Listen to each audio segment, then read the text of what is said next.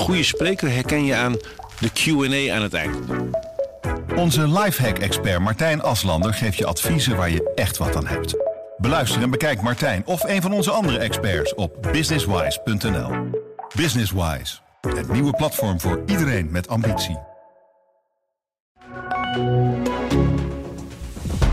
Dit is de AD Nieuws Update met Annemarie Fokkens.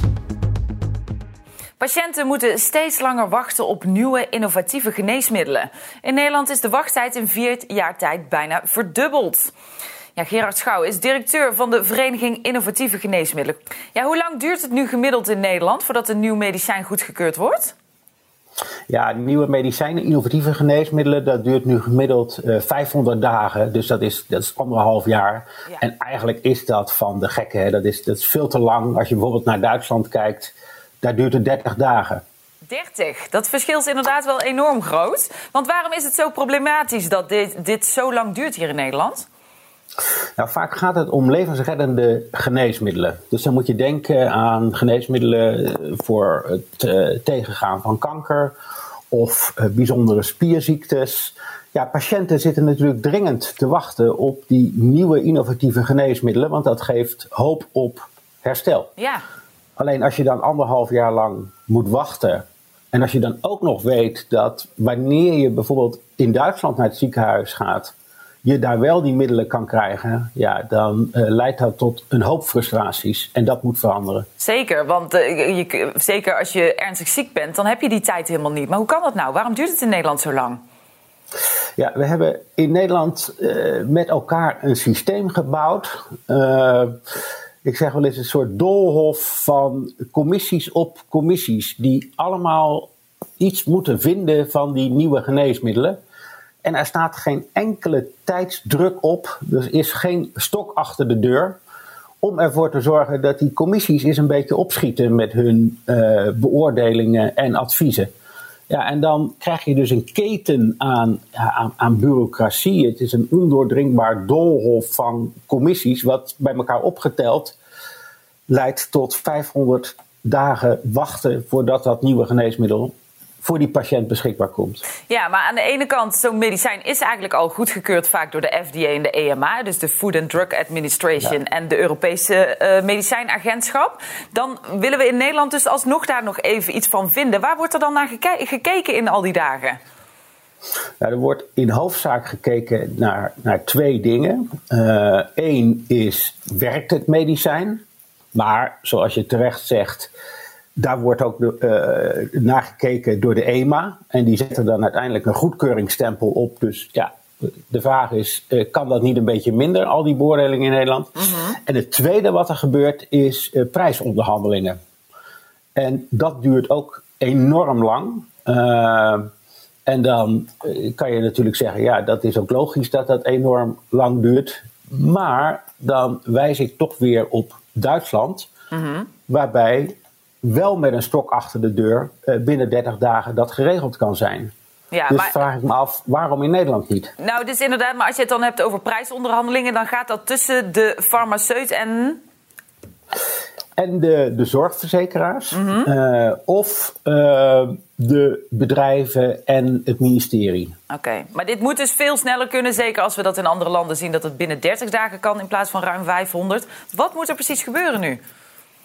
Ja, het belangrijkste is dat uh, de politiek moet, uh, moet wakker worden en die moet er wat aan doen. Uh, want dat is de enige partij die er wat aan kan doen. Al die commissies die hebben allemaal hun, hun, hun, hun bestaansrecht, denken ze. Dus ik verwacht niet dat daar de grote verandering van komt. Politiek moet komen. Politiek moet zich uitspreken dat in Nederland het binnen 100 dagen moet lukken om dat nieuwe geneesmiddel op de markt te krijgen. Uh, en als de politiek dat zegt, dan betekent het dat al die commissies zich daar ook aan moeten houden. Uh, dus ja, samengevat, terug naar 100 dagen in Nederland. Zitten we nog niet op die 30 dagen, nee. maar hebben we wel een stap gezet. En de politiek moet in positie komen. Hoe dichter je bij de Tata Steel fabriek woont, hoe meer schadelijke stoffen er rond je neerdwarrelen. Dat is de harde conclusie uit een tweede gezondheidsonderzoek van het RIVM.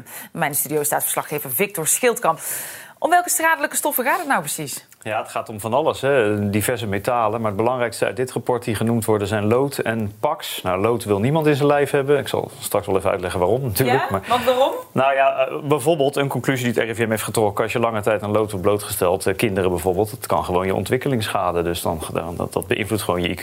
Jeetje. Dus dat is een, eh, dat is een, en dat, dit spul, hè, even om voor te stellen, dat ligt gewoon overal hè, in, in de omgeving van Wijk aan Zee. Het ligt gewoon op speeltuinen, straten. Nou ja, kinderen spelen op straat. Je kunt je kinderen dus ook onmogelijk beschermen. Het is echt een soort fijnstof die overal ligt. Er zit een foto bij het artikel vandaag op AD. Het is gewoon echt zwart spul. Het zit in de ramen, de kozijnen. Er wordt er ook meer schoongemaakt dan, de, dan elders in Nederland, zal ik maar zeggen. Maar goed, die kinderen krijgen dat. En ehm, zoals iedereen dat daar gewoon op zich krijgt, zal ik maar zeggen. En nou, als je lang aan lood wordt blootgesteld, RIVM concludeert, ehm, zeker kinderen tot 12 jaar die nog in ontwikkeling zijn, die hun IQ, IQ, kan daardoor beïnvloed worden. En het andere spul waar het in het rapport om gaat is Pax. En dat is, als het kan best omschrijven als gewoon dat gore zwarte spul wat ook wel eens op een barbecue zit. Nou, wat aan je vlees als je het net te lang gebrand hebt. Ja, bijvoorbeeld. Ja, nou, dat is gewoon kankerverwekkend. Je weet allemaal als je een verbrande kippenbout niet moet opeten.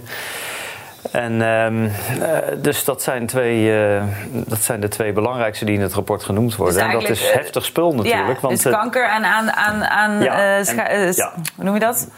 Schade aan je hersenen. Ja, ja zeg maar ja. En het is, het, is, um, het is allemaal in veel hogere aantallen aangetroffen dan. Uh, of concentraties moet ik zeggen, aangetroffen dan, uh, dan, uh, dan men dacht. Het, dit was al eigenlijk bekend.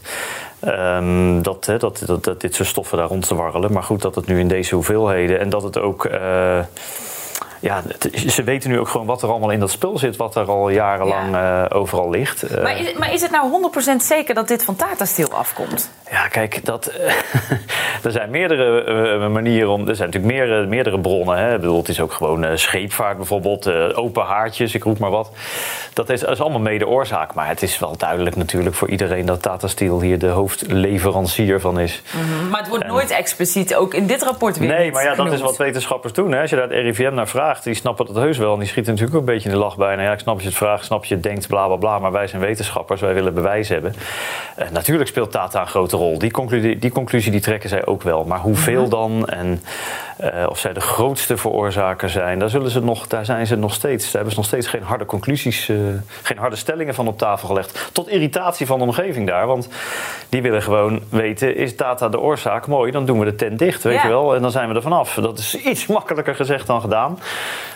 Maar ze willen gewoon hardere maat. Er zijn natuurlijk na, na af, eh, dit, dit, rapport is om tien uur gepresenteerd. Hè. Er zijn natuurlijk allerlei persberichten van allerlei stichtingen al verschenen die oproepen tot van alles en nog wat. Mhm. Binnenkort wordt er in de Tweede Kamer over de toekomst van Tata Steel gesproken en over subsidies en zo. Ja, allerlei stichtingen en organisaties vragen natuurlijk om extra aandacht, extra maatregelen, extra controles, extra boetes, extra dit en extra dat.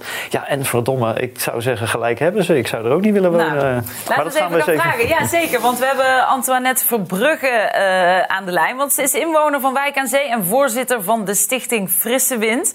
Ja, Antoinette, het zoveelste rapport eigenlijk waarin gesproken wordt over grote gezondheidsrisico's. Schrik jij daar nog van? Ja, de stichting Frisse Wind.nu schrikt daarvan. En ik schrik daar zelf ook enorm van. Um, kijk, wij wisten ook al zei de provincie en uh, Tata dat het beter gaat hier. Wij voelen aan ons lijf dat het niet zo is. En uh, het is echt heel ernstig. Dus um, de lucht die we inademen en het stof op onze spullen is potentieel gevaarlijk. Ja. Als kind kun je hier niet um, veilig opgroeien.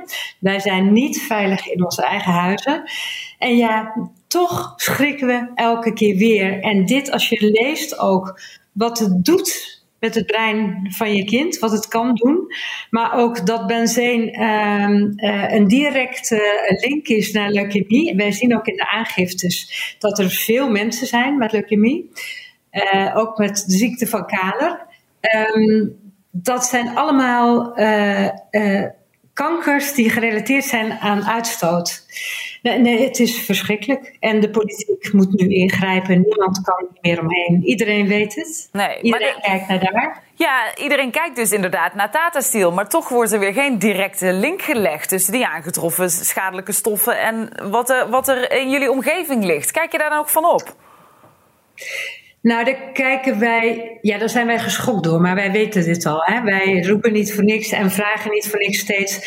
Uh, formuleer Beste gedeputeerde, formuleer de onderzoeksvraag nu zo dat er echt zwart op wit staat wie de veroorzaker is. Want dat is niet uh, mijn elektrische fiets, dat is niet de barbecue van mijn onderbuurman en het is ook niet de houtkachel van uh, iemand drie straten verder en ook niet dat beetje van de scheepvaart. En hoe vreemd is het dat een RIVM niet uh, de opdracht krijgt om de directe verbanden te leggen? Ja. Wil je daar überhaupt nog, uh, nog blijven wonen? Ja, die vraag die krijgen we natuurlijk allemaal. Als ik jonge kinderen had, dan zou ik uh, weggaan. Maar ik wil niet me weg laten jagen. Als ik wegga, dan komt hier weer iemand anders. Ik heb ooit besloten, drie jaar geleden, toen het heel erg was, ik ga alles aan doen en dan met heel veel mensen uh, die dat ook doen, want we zijn hier dag en nacht mee bezig. We halen alles uit de kast en kijk maar naar de strafrechtszaak. De geest is uit de fles, die gaat er nooit meer in. We zijn bezig met onderzoeken, uh, metingen naar de bron, maar ook onderzoeken uh, die alle scenario's doorlichten. Waaruit op een gegeven moment zal blijken wat het beste is. En wat natuurlijk het beste is, weten we al. De koksfabriek 2 moet onmiddellijk dicht. Want dat is één van de grote veroorzakers okay. van heel veel ellende en ziekte. Ja. En uh, de staatssecretaris komt maandag. Dus die uh, nemen we met ons mee en die gaat meedoen met de onderzoeken. Die, die komt maandag? Ja, vertel even, die gaat dan meekijken. Die komt maandag, die hebben gevraagd om te komen voor het debat op 9 september in de Tweede Kamer over de toekomst van Tata Steel. En wij hebben een prachtig aanbod liggen met allerlei uh, stichtingen bij elkaar en een burgerplatform waarin we uh, hem meekrijgen, wethouders, politici, andere belangrijke mensen. Uh, de uh, overheid gaat nu betalen. Wij kunnen niet later langer meer met onze gezondheid betalen. Maar de overheid gaat meedoen, vinden wij, aan dat onderzoek, aan het doorlichten van al die plannen. En daar moet het beste plan uitkomen. En dat zal blijken, uh, want de gezondheidsschade is te erg. Het schandaal is hier uh, allerlei toeslagenaffaire. Dus kom vooral steeds uh, allemaal naar Wijk aan Zee en de Eimond. En laat ons niet in de steek. Maar we gaan dit redden. De politiek kan niet meer wegkijken. Wij gaan het uh, in ieder geval in de gaten houden. Heel veel succes daarbij, uh, Antoinette. Ja, Victor, ik ga nog eventjes terug naar jou. Want welke gevolgen kan dit uh, rapport nou nog hebben voor Tata Steel? Nou ja, je hoort wat er allemaal gaande is ja. natuurlijk. Hè. Die strafzaak werd trouwens ook nog even genoemd. Daar hebben we het ook al eens over gehad. Er is gewoon aangifte gedaan uh, tegen Tata. Omdat ze bewuste stoffen in de omgeving zouden brengen die uh, schadelijk zijn. Ja, dat is gewoon ook een uh, strafbaar feit. Zeker. Dus ja, er, er, er, staat van alles te gebeuren. Maar het, het, er zit nog steeds een klein beetje, dat hoorde je net ook weer... verschil tussen dit is allemaal aan de hand. Iedereen wordt daar ziek. meer, meer, meer mensen gaan dood, bla bla bla. En is Tata nou de belangrijkste oorzaak daarvan? Dat is ook als je met wetenschappers daarop inzoekt... ook niet zomaar te zeggen natuurlijk. Nee, tenzij de onderzoeksvraag wel zo is, zoals Antoinette net ja, aangeeft. Ja, je moet het uiteindelijk met allerlei metingen aantonen. En uh, dit, dit, dit, dit werd trouwens ook uh, 70 jaar geleden al gesuggereerd. En uh, toen is er dat, dat, dit onderzoek laat eigenlijk al 70 jaar op zich wachten. Dat bewijs dat het Tata ja. is. Eigenlijk is het bewijs er al zo'n beetje wel. Want heeft, heeft Tata Steel daar zelf nog op gereageerd? Vandaag nog niet, maar over het algemeen reageren ze inderdaad door te zeggen dat er meerdere oorzaken kunnen zijn. En op de verbeterplannen die ze al hebben ingezet. Want ze hebben al een aantal dingen gedaan. Hè. Dat van dat lood en dat pax waar we het eerder over hadden, mm -hmm. dat is al eens eerder geconstateerd. Toen hebben ze maatregelen genomen. Er staat zelfs een, een hal bovenop een complete fabriek uh, om die uh, uitstoot een beetje te, tegen te gaan. Nou, het heeft dus niks geholpen. We zijn nu verder en het is zelfs een beetje erger geworden. Dus. Uh, er is werk aan de winkel. Tata wijst op zijn maatregelen, maar voorlopig uh, wijzen die rapporten steeds uit dat ja. het daar nog steeds niet goed toeven is.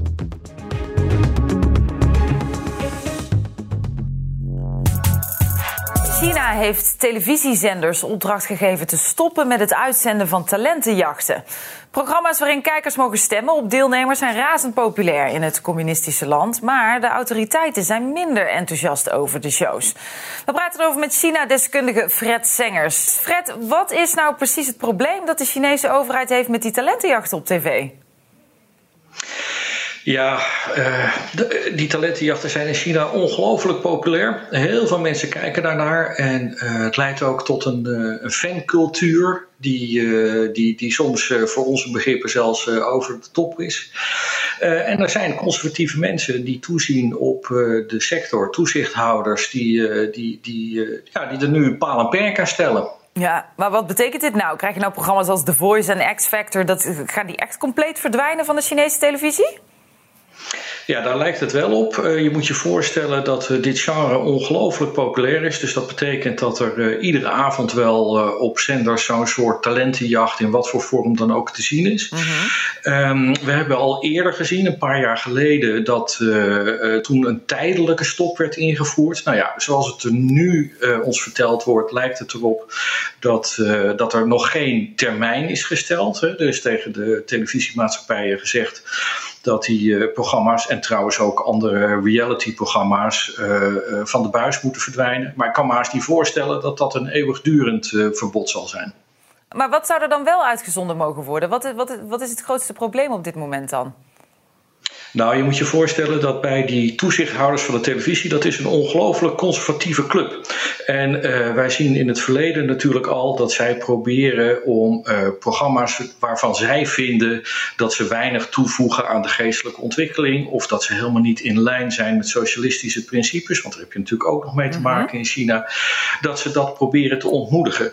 En om te begrijpen wat er nu allemaal gebeurt, want je hebt ook nog andere dingen gezien, zoals het beperken van gamen, dat heeft er alles mee te maken dat president en partijleider Xi Jinping die benadrukt sinds een aantal maanden steeds maar common prosperity, dus gezamenlijke voorspoed.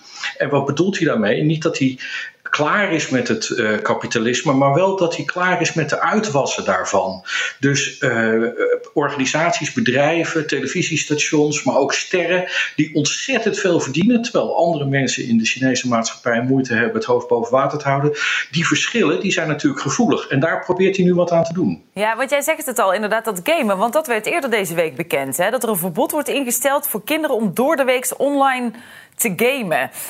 Kunnen ze überhaupt dit soort regels handhaven? Ja, want de uitvoering die wordt bij de providers gelegd. Dus uh, de internetproviders, je moet je voorstellen dat het gamen in China bijna geheel online plaatsvindt. En niet zoals bij ons met gameconsoles. Uh -huh. Dus die providers kunnen daar controle op uitoefenen. En de overheid die zegt nu, wij houden jullie verantwoordelijk dat je dat goed doet. En de, en, en de techniek moet daarbij helpen. Dus uh, als je nu je een abonnement neemt, dan moet je uh, je ID laten zien, waar daarbij blijkt hoe oud je bent. Je gezicht wordt gescand. En met gezichtsherkenningsapparatuur wordt gekeken of jij degene bent die op dat moment aan gamen bent. Dus de, techniek maakt het mogelijk om mensen uh, inderdaad, als ze minderjarig zijn, op momenten dat het niet toegestaan is, niet te laten spelen. Nee, nou ja, dan kun je natuurlijk voorstellen als dit soort regels hier in Nederland zouden zijn. Hè, dat wij geen talentenjachten meer mogen zien of niet meer door de week mogen gamen. Dat zou meteen op enorme protesten uitlopen en heel veel commentaar. Hoe reageert het Chinese volk op dit soort maatregelen? Ja, het Chinese volk, uh, we hebben het over 1,4 miljard mensen, dus ik ben altijd op mijn hoede om ja, daar uh, al te veel generaliseren. Maar je kunt je wel voorstellen dat die meningen erg verdeeld zijn. Want uh, er zijn natuurlijk mensen die zeggen, nou dit is een ongelooflijk paternalistisch, waar bemoeit de overheid zich mee? Wij weten zelf wel wat goed voor ons is. maar er zijn ook mensen die zeggen, nou ik begrijp het eigenlijk wel. En misschien zijn er ook wel ouders die zeggen van nou, die kinderen luisteren niet altijd even goed naar ons. En nou zorgt de overheid ervoor dat ze s'avonds op een gegeven moment die, die telefoon wegleggen en nog eens een boek gaan lezen of tijd naar bed gaan ja. of, uh, of huiswerk doen. Maar durf jij te stellen dat er één, gro één groep in de meerderheid is van die opties die je net noemt? Nou ja, kijk, je kijkt een beetje naar wat er over geschreven wordt en wat op social media gezegd wordt. En, uh, en uh, dan vind ik het heel lastig om dat in procenten uit te drukken.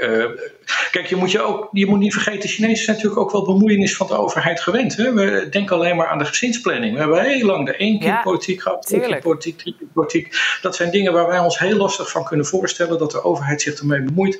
Maar Chinezen zijn daar toch min of meer gewend, hebben toch ook wel een zekere mate van vertrouwen in die overheid. Hè? Wat, wat de staat zegt, dat, nou, dat is misschien ook wel goed voor ons. Dus uh, ja, er zijn toch wel een hoop mensen die, uh, die zeggen. En trouwens, Chinezen weten natuurlijk ook wel dat niets is voor altijd in China. Dus dus uh, ze zijn gewend dat, dat maatregelen en controle, dat gaat vaak in golven. Dus, dus nu is het misschien allemaal weer wat strakker. En dan denken ze van nou, over een jaar zien we wel weer. Oké, dankjewel Fred Sengers, China-deskundige.